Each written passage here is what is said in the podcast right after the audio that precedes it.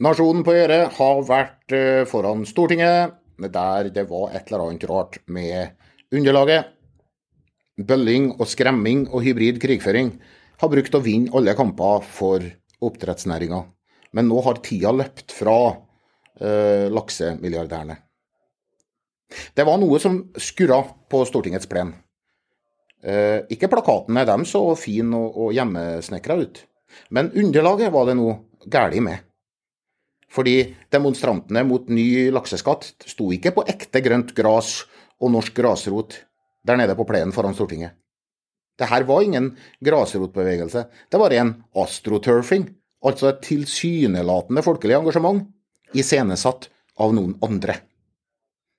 Det er nok ikke så lett for en nyansatt laksearbeider med estisk pass å si nei til å ta gratisbussen til Oslo for å demonstrere for lavere milliardærskatt, når fagforeninga betaler bussen og sjefen sier at du må gjerne dra. Det kom ingen stortingsrepresentanter ut på oppdretternes plastikkplen for å kritisere regjering og storting. Ikke engang LO sentralt vil backe de laksetillitsvalgte. Jørn Eggum, leder i Fellesforbundet, ser ingen grunn til å protestere på en ekstraskatt på overskudd, som skal gå 50% tilbake til lokalsamfunnene i tillegg. Sitat Filetarbeiderne mot fagforeningstoppen. Hvem fronter deres interesser? spør kommentatoren i tidsskriftet Ilax. Uten å spørre seg hvilke interesser det var filetarbeiderne fronta foran Stortinget. Lakseskatten gir en storstilt nedbygging. Arbeiderpartiet og Senterpartiet kommer til å ødelegge kysten, sa tillitsvalgt i Nærings- og nytelsesmiddelarbeiderforbundet, Hans Støland. Det var som et ekko av Geir Ove Ystmark. Lysene slukkes langs kysten, meldte Sjømat Norge-direktøren da regjeringa varsla økt skatt. Skatteøkninga beregnes å bli under 4 milliarder, for en næring som gikk 16 milliarder i overskudd per år fra 2018 til 2020, og det var bare ute i merdene. Du trenger ikke å være elektriker for å vurdere hva det her gjør med belysninga langs kysten. Men superprofitt, hva er det? spør de indignerte eierne. Svaret på det står å lese i Kapitals siste liste over Norges 400 rikeste. Der står det 49 milliardærer med en formue som i hovedsak er skapt gjennom sjømat. Som Gustav Witzøe. Først så harmer SalMar-gründeren seg opp overfor finansministeren i NRK-studio i forrige uke, og etterlyste skattedialog. Deretter nekta han å delta i debatten. Så trakk han og fire andre oppdrettsgiganter seg fra et møte med statsråden. Vedums svar var hvis det skal bli debatt, så må dere møte opp. Svaret er sin egen overskrift. Witzøe valgte her en motstander i en høyere retorisk vektklasse enn seg sjøl. Eierargumenter som at milliardene våre står ikke på bankkonto, men i virksomheten, er kanskje argument som er egnet til å overbevise en estisk lakseslakter. Mange andre forstår at laksemilliarder står på børs. De gir enormt mye mer i avkastning enn i bank, og de kan hentes ut like lett som en bankkonto kan tømmes.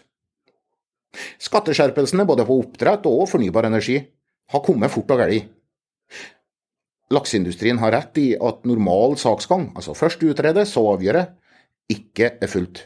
Konklusjonen her kom før høringsprosessen. Men det skjedde også med Lakseskatteutvalgets utredning i 2019. Den ble skutt ned av stortingsflertallet før den i det hele tatt var levert til regjeringa. Om hvem var det som ivra for det? Det var oppdrettsnæringa. Det kan hende at stikk av typen 'ja, men hva med jordbruket, da, de må jo også betale grunnrente', tar slutt snart når kystens stresskledde investorer finner ut at 1. Bønder eier arealene sine sjøl, og 2. De tjener elendig på å produsere mat der. På nyåret kan de lakseansatte ha viktigere ting å gjøre enn å bli bussa til Oslo, som f.eks. å fòre og slakte fisk. Kystordførerne de blir i hvert fall opptatt med å fordele ekstra skattemillioner fra oppdrett. Det kan tvert imot hende at bransjen istedenfor å kjempe en tapende slåsskamp om skatt, må jobbe ganske hardt for ikke å miste det lukrative permisjonsunntaket sitt. Når bedrifter permitterer, må den dekke lønna di de første 15 dagene, men ikke i fiskerisektoren. Der har staten tatt regninga fra dag én. Fordi den naturgitte ressurs- og arbeidstilgangen varierer så sterkt. Dette unntaket har oppdrettsnæringa senere vokst inn under. Så spør mange hvor naturlig er det, når arbeidsgiver detaljstyrer produksjonen i sine egne merder? De nye tidene siger inn, også i en næring som har vært vant med å få det som den vil. Movi og SalMar har krøpet til korset, og møtt likevel opp hos finansministeren for å diskutere endringer i skatteopplegget.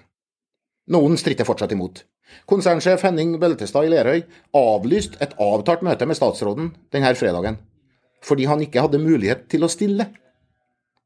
Avlysninga ble maila departementet på feil e-postadresse. Slik kan man drive maktkamp og uttrykke forakt for myndighetene samtidig. Folket vil ha grunnrente på oppdrett, viser en fersk meningsmåling. Næringas mastodonter vil lære på den harde måten at tida for å diktere sine egne betingelser er omme. Det er tid for å tenke på sitt eget omdømme nå.